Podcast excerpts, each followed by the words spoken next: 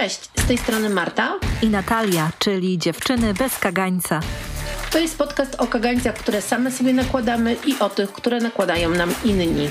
W każdym odcinku rozpakowujemy normy i gorsety społeczne, które nam nie służą i utrudniają życie. Gadamy o wszystkim, co w nas żywe, co nas porusza i skłania do mówienia sprawdzam. Cześć, witamy Was w drugim sezonie podcastu Dziewczyny bez kagańca. Wracamy po kilkutygodniowej przerwie, podczas której uruchomiłyśmy zbiórkę w serwisie Buy Coffee 2, w którym możesz wesprzeć tworzenie kolejnego sezonu podcastu mikrodonacją. Przelewy w wysokości 5, 10, 15 lub więcej złotych posłużą nam przede wszystkim po to, abyśmy mogły opłacić montaż, dzięki któremu tego podcastu słucha się tak dobrze. Jeżeli więc nasz podcast był dla Ciebie i jest dla Ciebie wartościowy, będzie nam bardzo miło, jeżeli w ten sposób wesprzesz naszą działalność i link do wpłat znajdziesz w opisie odcinka. Cześć Natalia. Cześć Marta. Bardzo fajnie Cię usłyszeć po tak długiej przerwie. Ja też się stęskniłam za naszymi rozmowami. E, no i w pierwszej kolejności, zgodnie z naszą e, tradycją, zapytam, co dobrego Cię spotkało? Dziś? Dziś albo w tej naszej przerwie międzysezonowej, jak wolisz? Wiesz co, ja dzisiaj siadałam do tego odcinka z taką myślą, o czym będę opowiadać, co dobrego mnie dziś spotkało, ale myślę, że chyba bardziej zasadne będzie opowiedzenie o tej przerwie między sezonami, bo tutaj wydarzyło się coś dużego. Mianowicie byłam z moim partnerem w Nowym Jorku. To podróż, którą zafundowaliśmy sobie na okrągłą rocznicę naszej relacji. I był to naprawdę fantastycznie spędzony czas z dużą ilością wrażeń. I jest to podróż, która na pewno na długo zostanie mi w pamięci, podczas której zresztą odwiedziłam między innymi Muzeum Seksu i tutaj będę o tej wizycie opowiadać w moim podcaście, więc od razu skorzystam z okazji, żeby tak wiesz, wślizgnąć się i wpiąć i zachęcić osoby słuchające do tego, żeby włączyły w tym tygodniu Nat i Seks i posłuchały właśnie o tym muzeum. I teraz po takiej hamskiej autoreklamie pytam Ciebie, Marta, co dobrego Ciebie spotkało? I oczywiście możesz też opowiedzieć albo o swoim dniu, albo o tej przerwie, podczas której nie nagrywałyśmy odcinków. Co dobrego mnie dzisiaj spotkało? E, no właśnie przed chwilą odwiedził mnie kurier e, i przyniósł mi paczkę od jednej z firm, z którą współpracuję. Robię dla nich e, takie świadczenia marketingowe związane z influencer marketingiem. Mhm. I to było strasznie miłe, bo rozmawiałyśmy ostatnio z osobą, z którą po tej drugiej stronie pracuję o kubkach termicznych, o tym jakby jak, czym mogą być wypełnione, że mogą być metalowe, ceramiczne, no tam takie detale. No i dostałam właśnie taki kubek z ceramicznym wypełnieniem, dostałam herbaty do testów i e, wiesz co, to jest zawsze dla mnie strasznie miłe, kiedy ta współpraca obejmuje nie tylko świadczenia i wynagrodzenie pieniężne, ale też takie miłe gesty, e, takie po prostu też możliwość przedstawiania produktów, więc ja się bardzo dzisiaj tym jaram i będę próbować, jak skończymy nagrywać. Wiesz co, jak tak słyszę o tej herbacie, to mm, no robi mi się tak ciepło i tak mi się marzy właśnie kubek herbaty, bo nie wiem, czy to słychać w moim mikrofonie, ale za oknem akurat trwa u mnie ulewa, więc myślę sobie, że taka ciepła herbata byłaby do niej naprawdę wspaniałym towarzyszem, towarzyszką. No ale dobrze, w takim razie przejdźmy do dzisiejszego tematu, bo postanowiłyśmy porozmawiać o słuchaj, to ja się chętnie z Tobą herbatą podzielę, jak się zobaczymy. E, a dziś postanowiłyśmy e, rozmawiać o świętach, bo kiedy nagrywałyśmy w pierwszym sezonie odcinek o granicach, o tym, jak je stawiać, kiedy są naruszane, przekraczane, no to wyszło nam, że no niestety w wielu rodzinach święta są takim momentem, kiedy mamy bardzo duże problemy z obroną naszych granic, ze stawianiem granic, utrzymaniem ich na miejscu, Aha. no bo tak jesteśmy skonstruowani i dlatego obiecałyśmy wtedy naszym e, słuchaczom i słuchaczkom, że porozmawiamy o świętach. No i to się stało, słuchaj. Niedawno było jeszcze lato, nagrywałyśmy e, w środku upalnych dni, opowiadałyśmy, jak u nas jest gorąco, a tu za chwilę, bo już za miesiąc, e, no przyjdą te święta, no i to jest ten moment, kiedy e, właściwie możemy o tym pogadać. I zacznę od takiego przewrotnego pytania, po co właściwie nam są święta? Wiesz, no pewnie ile osób, tyle punktów widzenia. Ale myślę, że gdybyśmy zapytały dowolną osobę, to odpowiedź byłaby w stylu na przykład po to, aby spędzić czas z rodziną, obdarować się prezentami, zjeść jakieś wyjątkowe potrawy. Wyobrażam sobie, że dla osób wierzących to również czas takich ważnych duchowych przeżyć. No i czyli jak to zwykle, wszystko zależy od punktu widzenia. Natomiast pytanie, które wydaje mi się bardziej zasadne, to po co mi są święta? Mi, czyli każdemu, każdej z nas. Bo zobacz, kiedy przyglądamy się obrazom świąt, na przykład w popkulturze, w reklamach, w innych przekazach marketingowych, to te święta mają konkretną wizję. Mają wizję tego, jak mamy je spędzać, mają wizję tego, jak ozdabiać dom i tak dalej. Natomiast myślę, że mało kto zadaje sobie takie pytanie, po co muszą święta? No bo święta mogą być po różne rzeczy. Mogą być właśnie po to, aby spotkać się z bliskimi, aby odpocząć, aby nacieszyć się inną, wyjątkową atmosferą, po to, aby zjeść konkretne potrawy, których z jakiegoś powodu nie przygotowujemy w inne dni. Mogą też być po to, aby mieć więcej czasu na bliskość z partnerem, partnerką, żeby spędzić czas z dziećmi, aby, no niekoniecznie już z dziećmi, ale pić wino przy choince, w świątecznych piżamach, przygotowywać grzańca i pierniczki ze znajomymi, ale też mieć taką dyspensę od codzienności, która często wydaje nam się monotonna i pozbawiona takich wyjątkowych elementów. I myślę, że zmierzam do tego, że mój pomysł to to, że święta są po to, aby odpocząć, spędzić końcówkę roku z kimś bliskim, spędzić ten czas w miłej atmosferze, bo zauważmy, że święta to taki okres zbliżania się do momentu granicznego. No bo tym momentem granicznym jest to, że kończy się jakiś rok, pojawia się obietnica nowego, co też dla wielu osób, myślę, jest takim znaczącym elementem tego czasu. Słuchając się e, w to, co mówisz, e, zauważyłam jedną dla mnie istotną rzecz, e, znaczy wiele istotnych rzeczy, ale tą, którą, na którą najbardziej zwróciłam uwagę, bo kiedy mówiłaś o tym, co jest dla ciebie ważne w święta, to powiedziałaś, że spędzanie czasu z bliskimi. I chciałabym dać temu trochę uwagi i trochę przestrzeni, mhm. ponieważ nie użyłaś słowa spędzanie czasu z rodziną, tylko użyłaś tego sformułowania bliscy. I myślę, że to jest fajny punkt wyjścia też do rozmawiania rozmawiania o świętach, że nasze rodziny to nie zawsze są dla nas bliscy. Znaczy ja wiem, jak to zabrzmiało, szczególnie w polskiej kulturze, ale mhm. no ja uważam, myślę, że wielu z nas tak uważa, że czasami rodzina nie jest, y, szczególnie ta daleka, którą widujemy rzadko, to nie są dla nas tacy najbliżsi ludzie, że czasami nasza grupa przyjaciół, y, mhm. nasi sąsiedzi, z którymi spędzamy dużo czasu, mogą być nam Boże, przepraszam, że to powiem, e, bliżsi niż nasza własna e, rodzina, e, z którą się widujemy bardzo rzadko. Myślę, że warto jest właśnie rozmawia rozmawiając i rozmyślając o świętach, kiedy mówimy sobie, chcę spędzić czas z rodziną, odpowiedzieć sobie, kto tak naprawdę jest dla mnie tą rodziną, z którą chcę się w święta spotkać i trochę odrzucić to, że my z pewnego rozpędu działamy, że idziemy e, co roku w te same miejsca, do tych samych ludzi, przeżywamy to w ten sam sposób, nie zadając sobie pytania, czy to mi służy, czy to mnie wspiera, czy to jest dla mnie dobre, czy to mi sprawia przyjemność, czy przeciwnie, to mnie męczy, e, powoduje, że jest mi niemiło, powoduje, że chcę o tych świętach jak najszybciej zapomnieć i dopiero za rok znowu o nich pomyśleć. I że czasami święta w naszej rodzinie e, to jest taki czas, o którym chcemy zapomnieć, zrobić ów i po powiedzieć sobie, dobrze, będę musiała o tym pomyśleć za rok. E, więc y, mhm. zastanawiam się, nie, że właśnie jakbyśmy sobie odpowiedzieli na to pytanie, które e, zadałaś na początku, po co mi święta? I kiedy nam wyjdzie, że święta są po to, żeby je spędzić z bliskimi, to żeby pójść za tym dalej i powiedzieć sobie, odpowiedzieć sobie w głowie, kim są dla mnie bliscy. Mhm. Wiesz, Marta, jak nagrywałyśmy odcinek w lecie, ten o granicach, to ja zaznaczyłam, że u siebie obserwuję, a raczej obserwowałam tak zwany świąteczny syndrom sztokholmski i od razu mówię, że nie jest to absolutnie jednostka diagnostyczna, ale takie moje robocze stwierdzenie tego, jak ja bardzo długo traktowałam święta.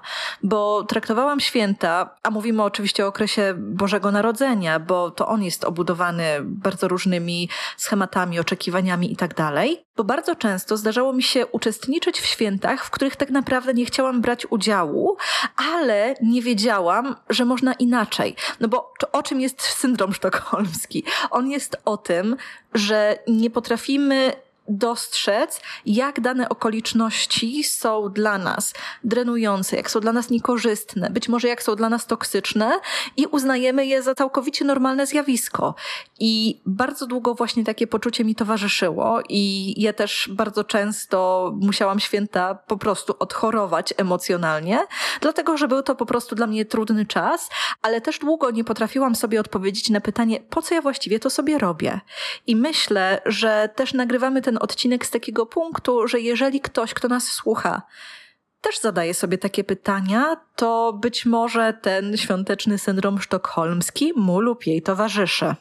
Ja wywodzę się ze środowiska marketerów e, i to jest moja główna praca i mój główny zawód. I powiem Ci, Natalia, że to, że święta są w taki sposób obudowane, że towarzyszy temu tak naprawdę bardzo dużo różnego rodzaju presji związanej z prezentami, z gotowaniem, z tym, jak się na święta ubrać, jak się zachować, e, jak się dzielić opłatkiem, jak dzielić czas i tak dalej, to też jest e, tak naprawdę bardzo duży produkt marketingowy. Nie jest żadną tajemnicą, że cały okres Christmas to jest największy okres sprzedażowy w roku, e, kiedy firmy e, mają największą sprzedaż, kiedy budżety reklamowe są największe, kiedy tej komunikacji jest bardzo dużo i to wszystko nakłada na nas bardzo wiele presji.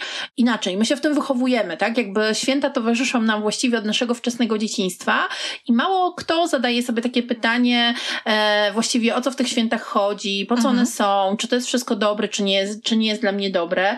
I dlatego też mi się wydaje, że mm, ulegając tym wszystkim presji, presją, ulegając tej wizji reklam, w których te święta są rodzinne, piękne, wszyscy mają zielone swetry, stół jest wspaniale udekorowany, pod choinką ogromną oczywiście do sufitu, udekorowaną przez dekoratora, są góry prezentów, e, no to łatwo jest w tym wszystkim bardzo siebie e, zatracić i siebie nie słyszeć i pozwolić na to naruszanie granic, tak? Na, na to, żeby inni ludzie, nasi bliscy wywierali na nas różnego rodzaju presje i jakby staje się to, o czym ty powiedziałaś, to, co, to, co ty nazywałaś e, świątecznym syndromem sztokholmskim, że my jakby nie umiemy z tego wyjść, a nawet nie dajemy sobie w głowie takiego prawa, że my możemy to zrobić w inny sposób i burczymy coś pod nosem. Może mówimy sobie w głowie, kiedy te święta się dzieją, że Jezus Maria nigdy więcej w ogóle nie lubię, nienawidzę, nie chcę, a potem wiesz, święta się kończą, przychodzi nowy rok, potem do kolejnych świąt mija rok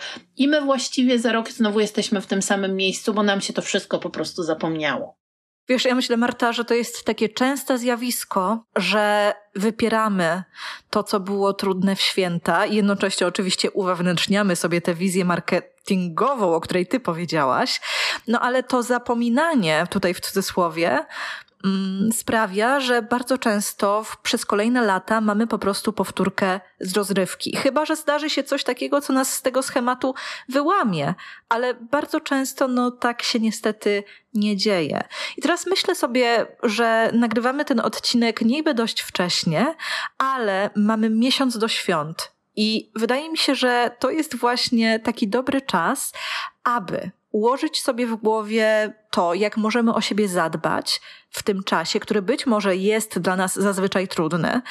Mamy czas na to, aby przemyśleć sobie, jak chcemy te święta spędzić, poukładać sobie pewne rzeczy, zastanowić się, z kim chcemy przeżyć te święta i też zadać sobie takie pytanie, jak możemy znaleźć miejsce, aby w sposób asertywny zadbać o to, co podczas świąt, co podczas tych ostatnich tygodni roku będzie dla nas ważne, jednocześnie okazując uważność, mm, na potrzeby osób, które nas otaczają. Bo wiesz, łatwo powiedzieć, że w tym roku spędzam święta inaczej i w cudzysłowie zapomnieć albo pominąć, że bardzo często temu spędzaniu świąt towarzyszy jakiś większy system, na przykład um, bliska nam osoba, na przykład nasze dzieci, jeśli je mamy, na przykład nasze rozbudowane rodziny, które też mają jakieś swoje oczekiwania, więc to oczywiście może być pewnym wyzwaniem, ale ja nadal jestem przekonana, że właśnie takie mm, planowanie i przygotowywanie się na różne ewentualności teraz na sucho może być czymś naprawdę, naprawdę użytecznym. Jak się domyślasz na słowo planowanie, planowanie z wyprzedzeniem, moje wnętrze po prostu skacze koziołki, gdyż ja kocham planować i planer jest moim najlepszym przyjacielem. Dorzucam ci I... takie okruszki właśnie. I sprawo sprawowanie kontroli nad sytuacjami jest tym, co lubię e, chyba najbardziej. E, no nie, trochę też żartuję. E, I myślę, że tutaj też warto zrobić małą dygresję, że to, o czym mówimy, to też nie jest temat dla wszystkich, bo są osoby, które kochają święta, które po prostu dokładnie w tej formie e, z reklamy, z telewizji e, to lubią, albo lubią to na swój sposób i mają na swój sposób. I to absolutnie nie jest o tym, że my hejtujemy święta i nikt ma ich nie obchodzić. My raczej kierujemy ten odcinek do osób, które po prostu ze świętami mają problem, dla których święta to jest czas bólu brzucha i bardzo wysokich emocji, bardzo dużych napięć.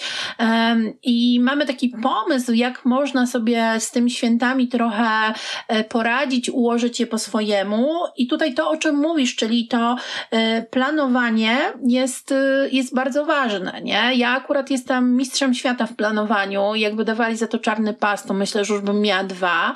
E, ale to ci opowiem taką sytuację z ostatnich tygodni. E, byli u nas e, nasi bliscy, bliscy przyjaciele z rodziny, że tak to nazwę. Mhm. No i tam była taka dyskusja, że rozmawiali, co sobie tam dali na jakieś ostatnie urodziny, święta i nie mogli sobie tego przypomnieć, e, na co mój mąż mówi, a, a ty co, co mi dałeś rok temu? Mówię, poczekaj, otworzę mój, e, e, mój, mojego kipa, bo ja notuję w aplikacji. Mówię, w zeszłym roku to, dwa lata temu to, trzy lata temu to, ponieważ ja sobie robię notatkę z listami prezentów, kiedy te prezenty kupuję, no ich nie kasuję, więc mam, mhm. co też mi pozwala, no nie powtarzać niektórych prezentów, albo przeciwnie, powtórzyć, albo dokupić coś jeszcze, wiesz, dodatkowego, nie? E, więc jakby ja kocham planowanie i tak się zastanawiam, jak to planowanie może nam Y, pomóc w spędzeniu dobrych świąt.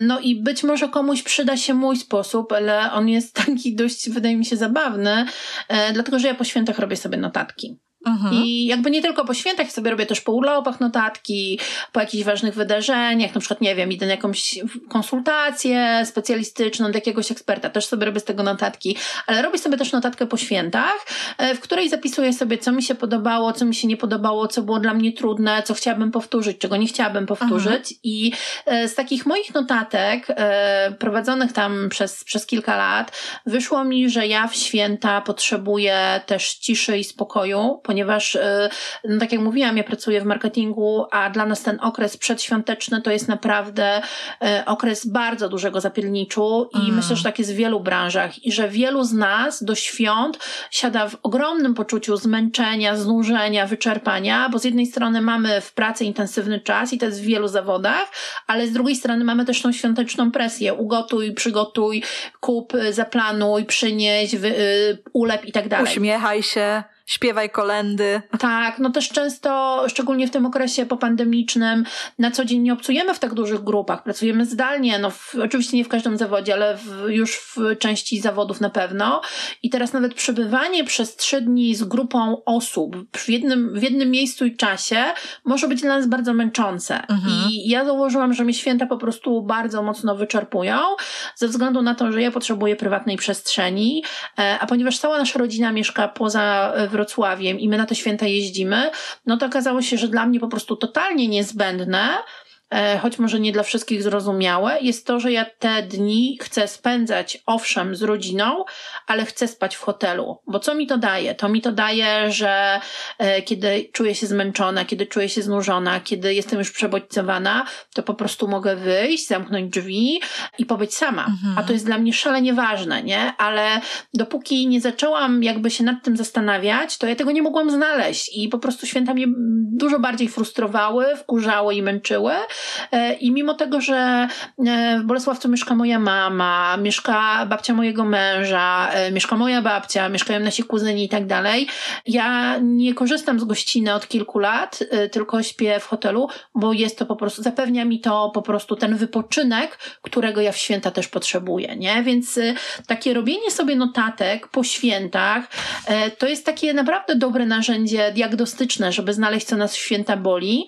I wiem, że trudno jest dzisiaj e, zrobić notatki sprzed roku, ale może nawet to, że miesiąc przed świętami ktoś sobie usiądzie, zastanowi się e, tak naprawdę, co go w święta boli, albo co mu w święta daje ogromną przyjemność i satysfakcję, to może spowodować, że będzie mógł sobie ułożyć w głowie te wszystkie rzeczy i zdecydować, że okej, okay, to mi daje energię, to mnie napędza, to mi daje satysfakcję, e, więc chcę robić tego więcej albo chcę to zrobić w tym roku, a to mi zabiera, męczy, e, albo to jest dla mnie neutralne, więc właściwie jeśli komu innemu na tym zależy, to mogę to od siebie dać, nie? Ja nie mhm. wiem, czy to jest jasne, czy muszę się tu jakoś tak bardziej wgryźć w przykłady, ale wydaje mi się, że jakby moja intencja powinna być zrozumiała. Mhm, myślę, że jest jak najbardziej zrozumiała i wiesz co, ja bym tutaj jeszcze wsparła się takim pomysłem, który właśnie przyszedł mi do głowy, że jeżeli my nie możemy sobie przypomnieć, co być może było dla nas trudne, co nas bolało, to być może były w naszym otoczeniu jakieś bliskie osoby, które mogłyby nam to wskazać. Bo ja pamiętam, że na przykład mój partner był dla mnie taką osobą, która wskazała, co jest nie tak z tańcem i schematem przygotowania do świąt w moim domu rodzinnym. I to było tak, że przez kilka dni przed świętami tak nic się nie działo, było po prostu w cudzysłowie nudno i nagle po prostu pojawił się zapiernicz związany z gotowaniem i innymi przygotowaniami do wigilijnej kolacji. Więc to też była taka wskazówka, że być może to jest jakiś aspekt, któremu warto się przyjrzeć i którym warto się jakoś zająć. Super, ja myślę, że to jest bardzo fajne, bo jeżeli mamy wokół siebie właśnie albo partnera uważnego na nas, albo przyjaciółki, albo przyjaciół, e, albo nawet koleżanki z pracy, z którymi się dzielimy pewnymi naszymi frustracjami i smutkami, to te osoby mogą pamiętać lepiej od nas, co nas bolało w zeszłym roku w święta, nie? Mhm. I to mhm. takie pytanie, ej, pamiętasz, czym się wkurzałam w zeszłym roku w święta? Może być bardzo pomocne, bo Pewnie. wydaje mi się, że gdy my się dzielimy z kimś naszymi dużymi emocjami, to to też tak nie przechodzi bez śladu, tylko w tym kimś może ta wiedza pozostać. I jeżeli nie umiemy tego znaleźć sami, to być może jesteśmy w stanie znaleźć to razem z kimś, e, kto z nami, kto nam wtedy towarzyszył. Mhm, bo być może też używamy na przykład jakichś komunikatorów, w których dzielimy się swoimi e, przeżyciami na bieżąco i też przejrzenie historii takiej konwersacji może być, może tutaj nam dać bardzo dużo informacji. No ale widzisz Marta, przejdźmy do tego, w czym nam to przyglądanie się może pomóc, bo u mnie zrodził się taki pomysł, że to jest impuls do zadania sobie pytania, jak wyglądałyby święta po naszemu co sprawiłoby, że bardziej lubiłybyśmy święta, gdyby właśnie były takie nasze. I myślę, że też warto zadać sobie pytania, co sprawia zazwyczaj, że po prostu podczas świąt, i tutaj będę przeklinać, pojawia się wkurw. No bo bardzo często to nie jest, wiesz, to nie jest taki dyskomfort, to nie jest lekkie, tylko bardzo często to jest taki dojrz długo dojrzewająca złość, która zamienia się we wkurw. Tak, w takie, Boże, znowu, nie? No. W takie, że to że raczej nas nie zaskakuje, że coś się przytrafiło po raz pierwszy, tylko raczej mamy takie poczucie, ja pierdzielę, to się znowu stało. Ja już sobie mówiłam, że nigdy więcej, nie? Mało tego, jakbym odpowiednio wcześnie siadła i się zastanowiła nad pewnymi schematami, to bym wiedziała, że to się wydarzy, nie? No bo te niektóre symptomy się już pojawiają wcześniej mm. i e, to mogą być takie rzeczy, no tak się zastanawiam, o, o, co się, o co się kłócimy w święta i co jest dla nas święta trudne.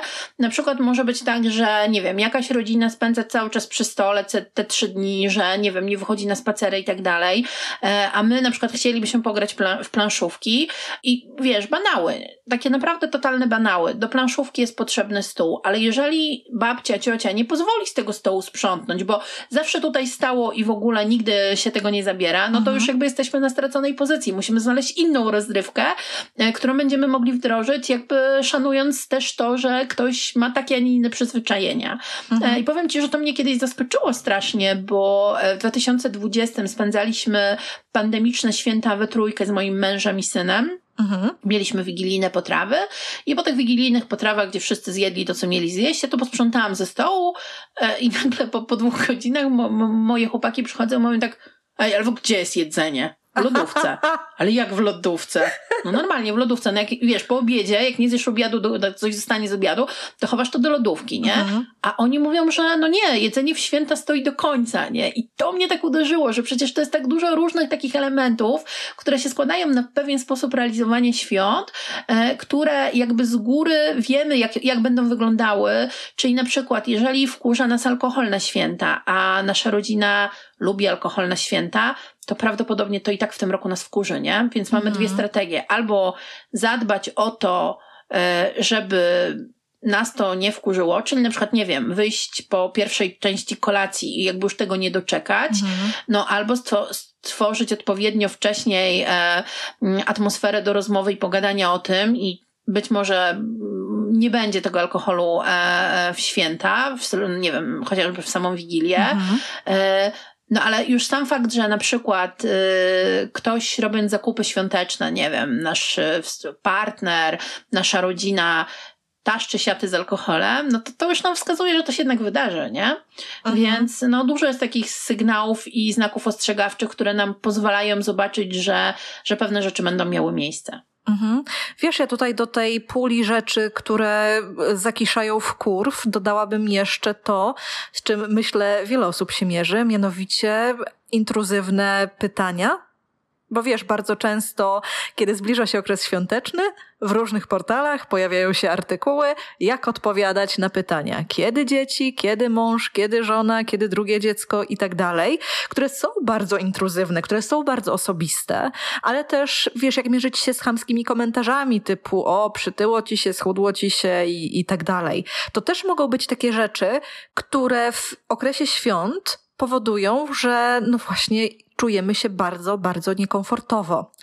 I to też było moim udziałem, że gdy wracamy do domów rodzinnych, w których być może nie czujemy się traktowani fair, nie, nie czujemy się traktowani dobrze, w których nasze życzenia były ignorowane, potrzeby też były ignorowane, mm, w których nie ma się takiego poczucia, że jest się u siebie. Wiesz, co mam na myśli?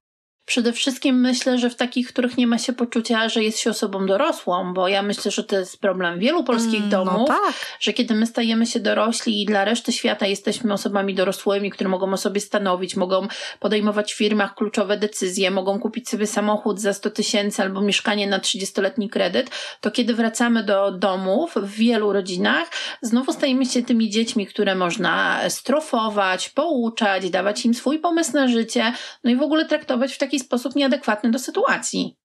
I do wieku, tak, jak najbardziej. I widzisz, i z tego chyba wynika to, że wiele osób doświadcza podczas świąt takiego przebywania w pułapce, trochę bez wyjścia. No i później to te trudne emocje, które się pojawiają, aktywują się na przykład nie wiem, frustracją nad talerzem pierogów czy papierem do pakowania prezentów. I Gdyby w tej sytuacji pogrzebać, to myślę sobie, że okazałoby się, że te osoby wcale nie chcą być w tej sytuacji, że coś się musi zmienić, żeby one dalej partycypowały w ten sposób w tworzeniu po prostu świąt. No a mimo wszystko uczestniczą w takim rodzinnym tańcu, są częścią schematu, który, który im nie służy, są częścią schematu, którego po prostu częścią być nie chcą. I tutaj zazwyczaj wiesz, mamy takie dwie reakcje, że albo ta złość jest żera od wewnątrz, bo wiesz, zagryzają zęby, uśmiechają się, albo wprost przeciwnie, znajduje ujście w postaci kłótni, w postaci konfliktu. No i tutaj wracamy do emocjonalnego odchorowywania świąt. Mhm. Wiesz, Natalia, mi przychodzi jeszcze jedna rzecz do głowy a propos tego, co powiedziałaś na temat y, niestosownych pytań, że mhm. czasami te niestosowne pytania przyjmują jeszcze gorszą formę, a mianowicie formę składania życzeń. I to jest w ogóle coś, z czym miałam osobiste doświadczenia, czyli może nawet nie pytanie, kiedy drugie dziecko, tylko wręcz z życzeniami, to teraz życzymy wam córeczki. I to jest po prostu jakiś koszmar, że mm, ten moment składania życzeń, który powinien być momentem przyjemnym, przyjemnym, e, bliskim, no jakby we mnie powodował wysokie zjeżenie już e, chwilę przed tym, jak się miał wydarzyć, nie? I absolutnie nie pomagało mówienie bliskich mi osób, że stara to tylko chwilę, to wiesz, za, zaciśnij zęby i przetrwaj, nie? Bo ja nie chcę zaciskać zębów i przetrwać, bo e, dając mi takie życzenia, ktoś komunikuje mi, że raz nie szanuje moich granic, dwa zupełnie mnie nie zna, no bo ja nie chcę mieć drugiego dziecka i jakby życzenie mi go nie jest dla mnie żadnym przyjemnym życzeniem. Wiesz co, to mi się kojarzy z takim pasywno-agresywnym sposobem składania życzeń, gdzie tak naprawdę składasz te życzenia sobie, czyli mówisz, czego życzysz sobie, przerzucając to na drugą osobę. Na przykład to jest tak, jak ja bym powiedziała mojemu partnerowi i życzę ci, żebyś mnie kochał. Tak. w ogóle jak to brzmi, ale to jest właśnie z tego samego gatunku. Nie, bo ja mam marzenie, żeby, nie wiem, żeby bawić jako, nie wiem, jako babcia jeszcze wnuczkę przy okazji, no to teraz życzę ci córeczki. No, Och. dokładnie, dokładnie. Więc jakby, no święta są takim momentem bardzo trudnych takich e, zachowań e, w relacji. W wielu domach wydaje mi się, że wybuchają równo świąteczne kłótnie. Oczywiście są domy, w których to, nie, to się nie dzieje, jest miła atmosfera i jakby ten odcinek w ogóle tych tych, tych, tych, osób nie dotyczy, no ale są, są też domy, w których po prostu e, eskalują święta kłótnie, konflikty, e, niewypowiedziane emocje, niewypowiedziana, niewyrzucona złość, no bo, no bo tak tańcujemy, tak jak właśnie powiedziałaś, uczestniczymy od lat w takim tańcu. I myślę sobie, że takim niepokojącym bardzo sygnałem o tym, że coś z naszymi świętami jest nie tak, są takie mm, zdania, które zdarzyło mi się w życiu słyszeć od różnych ludzi, że na razie to taki jest, ale jak tam odejdą najstarsi, e, najstarsi członkowie rodziny, mhm. to będziemy obchodzić te święta inaczej, nie? Bo to jest dla mnie taki naprawdę ogromny sygnał, że czujemy, że coś jest nie tak, że wcale tak nie chcemy, ale utrzymujemy ten status quo, dlatego że jakby, no zawsze tak było, nie? I wtedy jest chyba miejsce, żeby też się temu przyjrzeć. Co my możemy zrobić bez y, y, opuszczania rodziny przez te najstarsze osoby, żeby jednak mieć y, to, co powiedziałaś wcześniej, czyli te święta po swojemu. Wiesz, jak tak mówiłaś, to jeszcze przyszła mi do głowy jedna rzecz, bo nawiązałaś do tego nieuniknionego konfliktu, który może się pojawić, który może wybuchnąć. Ja myślę, że wiele z nas zdaje sobie sprawę, z czego te konflikty wynikają, jakie jest ich źródło. Na przykład to, że przygotowanie świąt leży na barkach bardzo niewielkiej liczby osób w rodzinie, często na kobiecych barkach, sprzątanie domu, przygotowanie wszystkich potraw i tak dalej, i przygotowanie prezentów. I tutaj to obciążenie może powodować, że te święta są frustrujące.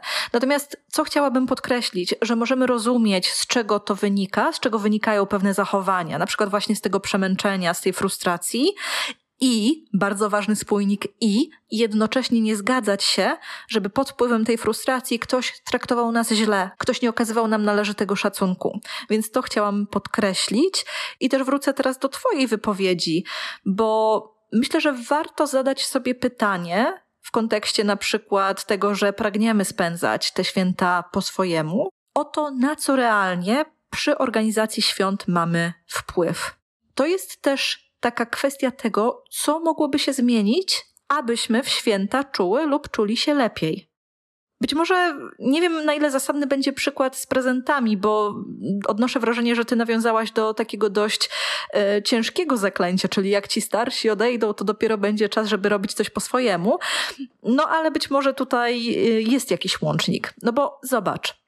Jeżeli pomyślimy o dawaniu prezentów, myślimy o tym procesie jako czymś takim bardzo drenującym i tutaj drenującym finansowo, czasowo, psychicznie, no bo presja jednak jest, żeby ten prezent był fajny, żeby on się spodobał, to być może dla jakiejś rodziny, dla jakiejś grupy byłoby bardziej zdrowo, i tutaj mówię w cudzysłowie, byłoby może bardziej, mm, nie wiem, fortunnie zrobić sobie święta z losowaniem podarunków. Czyli w takiej formie, że wszyscy przygotowują jeden prezent, i też wychodzą z jednym prezentem. I te prezenty są w miarę uniwersalne. I nie musimy obdarować tutaj jednej cioci, jednej teściowej, drugiej teściowej i tak dalej, tylko po prostu robimy to w ten sposób. Myślę, że tutaj pojawia się taki wątek, że chyba potrzebujemy trochę sojusznictwa. Bo wyobrażam sobie, że w naszym otoczeniu, z którym spędzamy święta, na pewno są osoby, które odczuwają podobnie które przeżywają podobne frustracje. I być może właśnie z taką osobą warto zawrzeć sojusz i zaproponować nowe sposoby albo dawania prezentów, albo spędzania czasu, w zależności od tego, co nas gniecie. No, w myśl zasady, że w kupie siła. Co myślisz na ten temat? Tak, ja w ogóle tutaj wejdę jak Grinch cały na zielono, ponieważ ja nie jestem jakąś ogromną fanką prezentów, a szczególnie tych prezentów, które wszyscy sobie dajemy nawzajem. E, I wiesz co, e, chyba z dwa lata temu albo trzy lata temu słuchałam fajnego podcastu takiego około ekologicznego, mhm. gdzie w ogóle ten wątek był poruszany, że właściwie żyjemy w czasach tak dużego przesytu produ produktami, rzeczami, przedmiotami, że właściwie danie komuś prezentu staje się raz trudne, szczególnie komuś, kogo mniej znamy, tak? Mhm. No bo jakby mniejszy problem mamy z dawaniem prezentu swoim bardzo bliskim osobom i to niekoniecznie muszą być z rodziny, to mogą być też nasi e, bliscy przyjaciele albo grupy, z którymi mamy wspólne hobby i tak dalej. Ja naprawdę uważam, że czymś, co mi się szalenie podoba, jest y, na przykład przekazywanie jakiejś kwoty na różnego rodzaju fundacje, czy paczki dla seniorów, czy robienie e, paczek na szlachetną paczkę i na przykład umówienie się całą rodziną to już jest w ogóle rewolucyjne, ale uważam, że świetne, że na przykład w tym roku nie robimy sobie prezentów i każdy pięć dych wpłaci na coś tam, nie? Albo złożymy się wspólnie i zrobimy szlachetną paczkę. I uważam, że to może dawać y, naprawdę bardzo przyjemne emocje, a jednocześnie zwalniać nas trochę z tego obowiązku szukania, wymyślania najlepszych prezentów dla całej rodziny. Wiesz, jestem trochę w innej frakcji, bo ja lubię dawać prezenty, lubię przygotowywać prezenty i też wiem, że jestem w tym całkiem dobra e, i sprawia mi to przyjemność, no bo jak pomyślimy o językach wyrażania uczuć, językach wyrażania miłości, no to to jest niestety albo stety mój główny język. I wiesz, i moja wizja byłaby taka, że mnie to aż tak nie męczy, bo mi to sprawia radość, natomiast rozumiem taką potrzebę, żeby zrobić coś, coś inaczej w tym, w tym obszarze. Więc tutaj też chodzi o to właśnie, żeby znaleźć takie porozumienie, w którym każdy czu, będzie czuł się komfortowo. Bo być może na przykład będą w naszym otoczeniu osoby, którym trudno będzie wytłumaczyć, że nie znajdą teraz pod choinką czegoś fizycznego, bo każdy z nas umówił się, że wpłaci 50 czy ileś tam złotych na konkretny cel. I tutaj być może ktoś byłby tym zraniony. Mhm. Tak se tu burknę potem sam. Mhm. No dobra, Natalia, nie byłabyś moim sojusznikiem, gdybym szukała kogoś do tego, żeby zrezygnować z prezentów. No nie. Ale może byłabyś moim sojusznikiem, gdybym szukała kogoś, e, żeby nie spędzać całego dnia przy stole, mhm. albo e, żeby na przykład pójść na spacer, albo na łyżwy, pewnie na śnieżki nie, czy na kulik, bo nie będzie śniegu, ale e, z tobą sojuszowałabym się pewnie w takich kwestiach związanych z tym, jak spędzić ten czas, z tym, że może nie będzie będziemy wszystkiego gotować, ale zamówimy coś w dwóch, trzech dobrych, sprawdzonych miejscach, dzięki czemu tej, tego gotowania będzie mhm. mniej. E, w ogóle powiem Ci, e, że moja mama pracuje w Niemczech e, i na przykład jak ona opowiada tam, jak my świętujemy, ile u nas się gotuje na święta, no to te rodziny, w których przybywa, są często zdziwione tym, bo na przykład w tych rodzinach podaje się w święta uroczysty obiad, który jest właściwie cały zrobiony w domu i składa się tam, nie wiem, z trzech trzech, czterech potraw i tyle. I to jest ich gotowanie na święta. Natomiast y, mam wrażenie, że w Polsce nadal gotuje się dużo za dużo i część tego jedzenia mm. zostaje i je się to potem do Sylwestra albo Nowego Roku. I, I nawet tutaj, gdyby udało się w wielu rodzinach ten schemat przełamać i powiedzieć, że okej, okay, no to y, gotujemy mniej albo gotujemy jeden fajny obiad, nie, nie stawiamy tych stu sałatek, y, czterech zimnych talerzy i tak dalej, zimnej, tak zwanej zimnej płyty, to może to już byłoby dla kogoś dużym świątecznym ułatwieniem, nie? I może znalazłby w tym też sojusznika, który powie, Jezu, ja też mam co roku z tym problem. Od razu przyszedł mi do głowy komentarz, że y, mój partner i jego rodzina, którzy nie są z Polski, też traktują te opisy polskich świąt jako coś egzotycznego, jako coś osobliwego, mm, więc wiem o czym mówisz i też wiem, że różne kultury różnie spędzają ten czas, ale chciałam Ci podać przykład tego, co my zrobiliśmy z moim partnerem, aby zapobiec temu, co nas gniotło, czyli właśnie tej przedświątecznej nudzie, że długo, długo nic, a nagle bum i bardzo dużo rzeczy robimy naraz.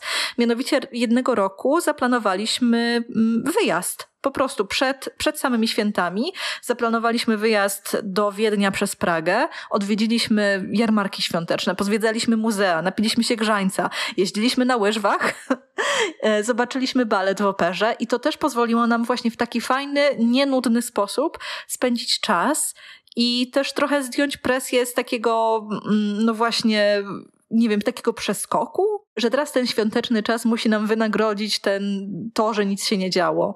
I myślę, że to też pomogło nam, a przynajmniej mi, trochę mm, bardziej poczuć się komfortowo w przedświątecznym okresie.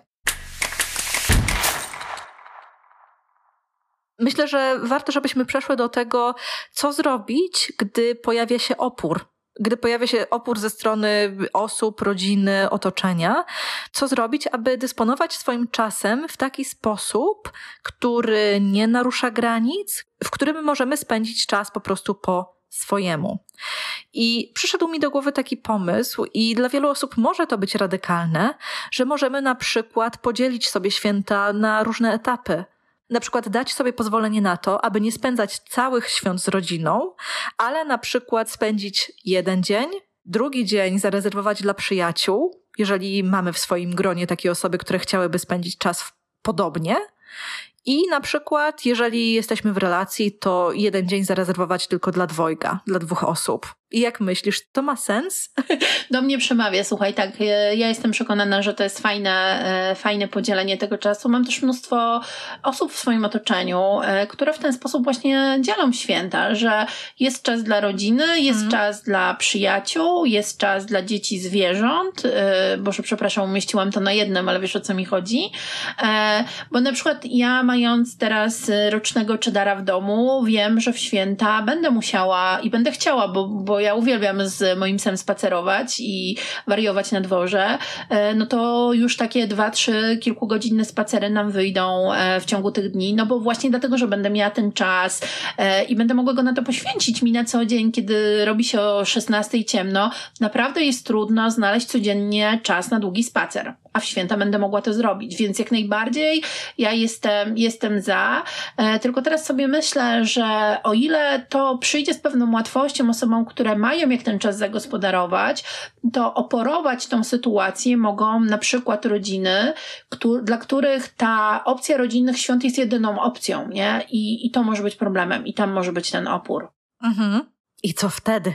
A powiem Ci, że nie mam na to rozwiązania, no bo to jest bardzo trudna sytuacja. To jest taka sytuacja, w której musimy trochę się zmierzyć, czy dla nas ważniejsze będzie to, żeby nam było wtedy dobrze i miło, czy dla nas ważniejsze będzie to, żeby kogoś nie zawieść. I tutaj każdy będzie miał inną odpowiedź, tylko już myślę, że samo zadanie sobie tego pytania jest takim pierwszym krokiem do zmiany. Wiesz, no to jest ta metafora, podpalić się, aby komuś było ciepło. Nie? Czy jak długo jesteśmy w stanie to robić, jak długo jesteśmy w stanie postępować nie w zgodzie ze sobą, ale w zgodzie z czyimiś wartościami, które nie są do końca nasze, mm, aby no, nie czuć się z tym źle, zwyczajnie nie czuć się z tym źle i żeby te emocje, które w związku z tym się pojawiają, te odczucia, nie wpływały znacząco na te relacje. A święta myślę, że to jest taki bardzo szczególny czas, kiedy jesteśmy gotowi brać na siebie odpowiedzialność za cudze emocje. I myślę, że nawet uświadomienie sobie tego, że ktoś podjął decyzję, że będzie dużo gotował, a potem jest zmęczony i oczekuje od nas czegoś, to już jest takie, taki pierwszy krok do postawienia sobie odpowiednich pytań i postawienia granic, że droga mamo, babciu, ciociu, teściowo, jeśli ty zdecydowałaś, że chcesz przygotować 15 dań, a potem jesteś zmęczona i oczekujesz ode mnie czegoś, no to nie, nie może tak być, dlatego że ja nie miałam wpływu, ty mi nie pozwoliłaś o tym zdecydować, więc nie oczekuj, że teraz przyjmę te emocje, które to wytworzyło. Mhm. Wiesz, no możemy też, jeżeli mamy w sobie siłę, modelować nowy typ zachowań, czyli na przykład zorganizować te święta u siebie i pokazać, że można je spędzić inaczej. Mm, nie gotować, nie spędzać całego dnia przy garach, tylko tak jak powiedziałaś wcześniej, na przykład zamówić to jedzenie, albo umówić się, że każda osoba, która gości, przynosi jedną potrawę i wszyscy to wspólnie jemy. Więc tutaj naprawdę takie szukanie rozwiązań może okazać się czymś, co pozwoli nam spojrzeć i wytworzyć taki zupełnie nowy wymiar świąt. Wiesz co, teraz jak powiedziałaś o tym, że możemy zamiast e, się gościć na święta, to zorganizować święta u siebie, e, to przyszło, przyszło mi do głowy takie ćwiczenie, które robiliśmy na moich studiach, mhm. bo e, rozmawialiśmy o tym, jak w ogóle, jak wygląda piramida potrzeb Maslowa i jak, na, na, jak w tej piramidzie układa, jak, jakie potrzeby może nam zaspokoić jedzenie, nie? No i oczywiście poza podstawowymi fizjologicznymi, no to jedzenie może też dawać, zaspokoić zaspokajać nasze potrzeby e, przynależności, czy naszą e, potrzebę takiego wykazania się i samorealizacji.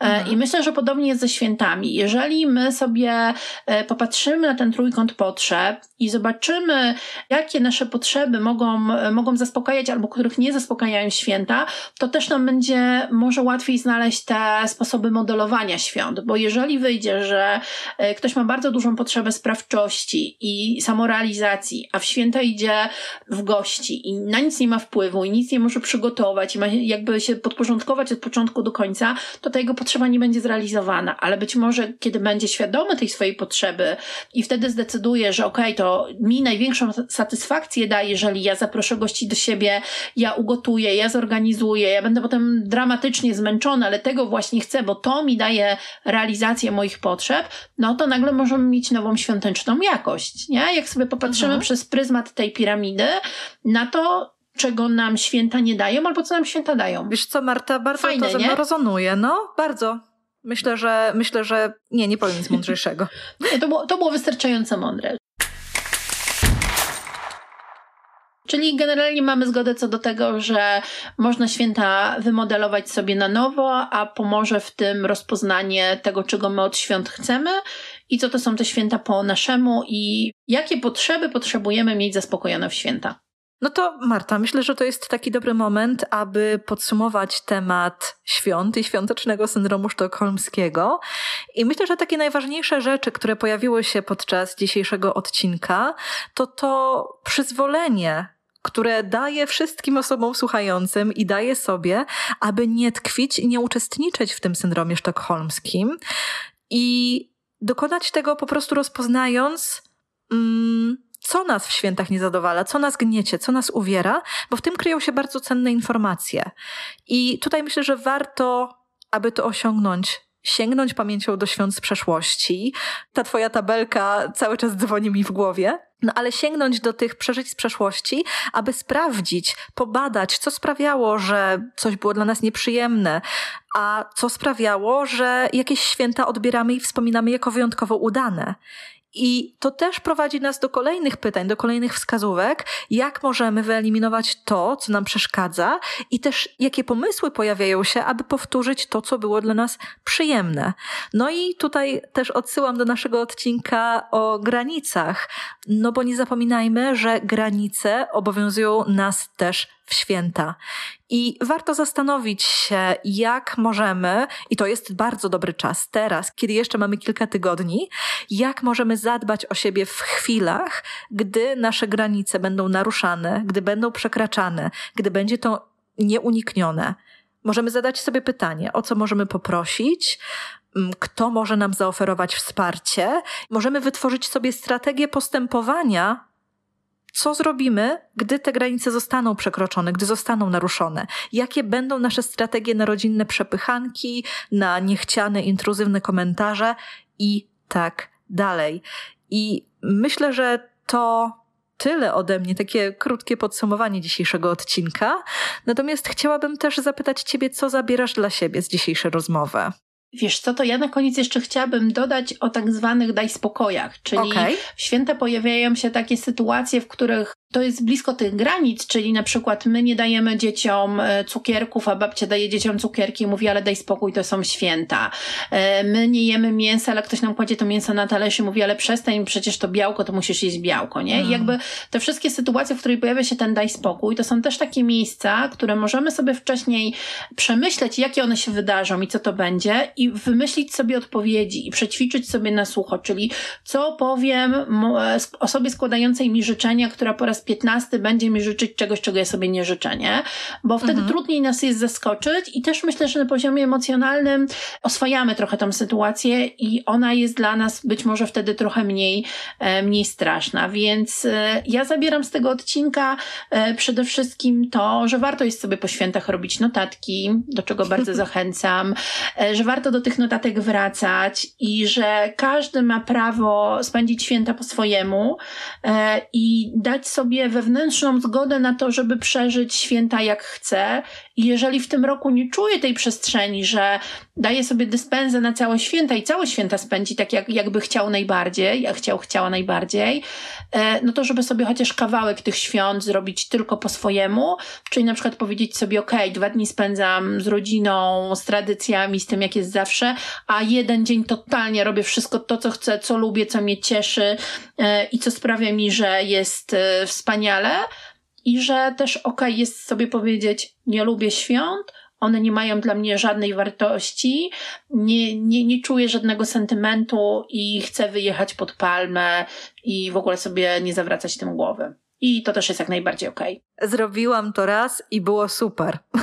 Ja jeszcze nie zrobiłam tego nigdy, więc wszystko przede mną. Mm, ale wiesz co, to jeszcze od siebie dodam, że jestem po prostu, zostaję z takim efektem wow, dotyczącym tego, jak zaprosiłaś tę piramidę potrzeb Maslowa i że możemy różnym sytuacjom przyglądać się właśnie z tej perspektywy, czyli tych potrzeb podstawowych i tych potrzeb e, powiedzmy wyższego, niższego rzędu i przykładać się do świąt, no bo jeżeli święta nie dają poczucia spokoju, nie dają poczucia samorealizacji, no to co one mi zaspokajają? Dokładnie. Nie? I czy tutaj ta szala tych potrzeb zaspokojonych znajduje się wyżej niż szala potrzeb, które jednak zaspokajane nie są. No, to jest bardzo fajne narzędzie i polecam, można sobie przykładać do różnych sytuacji, bo ono naprawdę może nam przynieść bardzo cenną wiedzę. To co? To myślę, że to tyle na dzisiaj i tym samym otwieramy taki nasz cykl świąteczno-noworoczny. A ja Ci po prostu bardzo dziękuję za dzisiejszą rozmowę. Ja Tobie też i zapraszam naszych słuchaczy i słuchaczki na kolejny odcinek, który będzie o prezentach i będzie 6 grudnia. A ja przypominam o linku do wirtualnych kaw i wsparć podcastu, który znajdziecie w opisie odcinka. Papa. To były dziewczyny bez kagańca. Subskrybuj nasz podcast i podaj go dalej. Do następnego razu.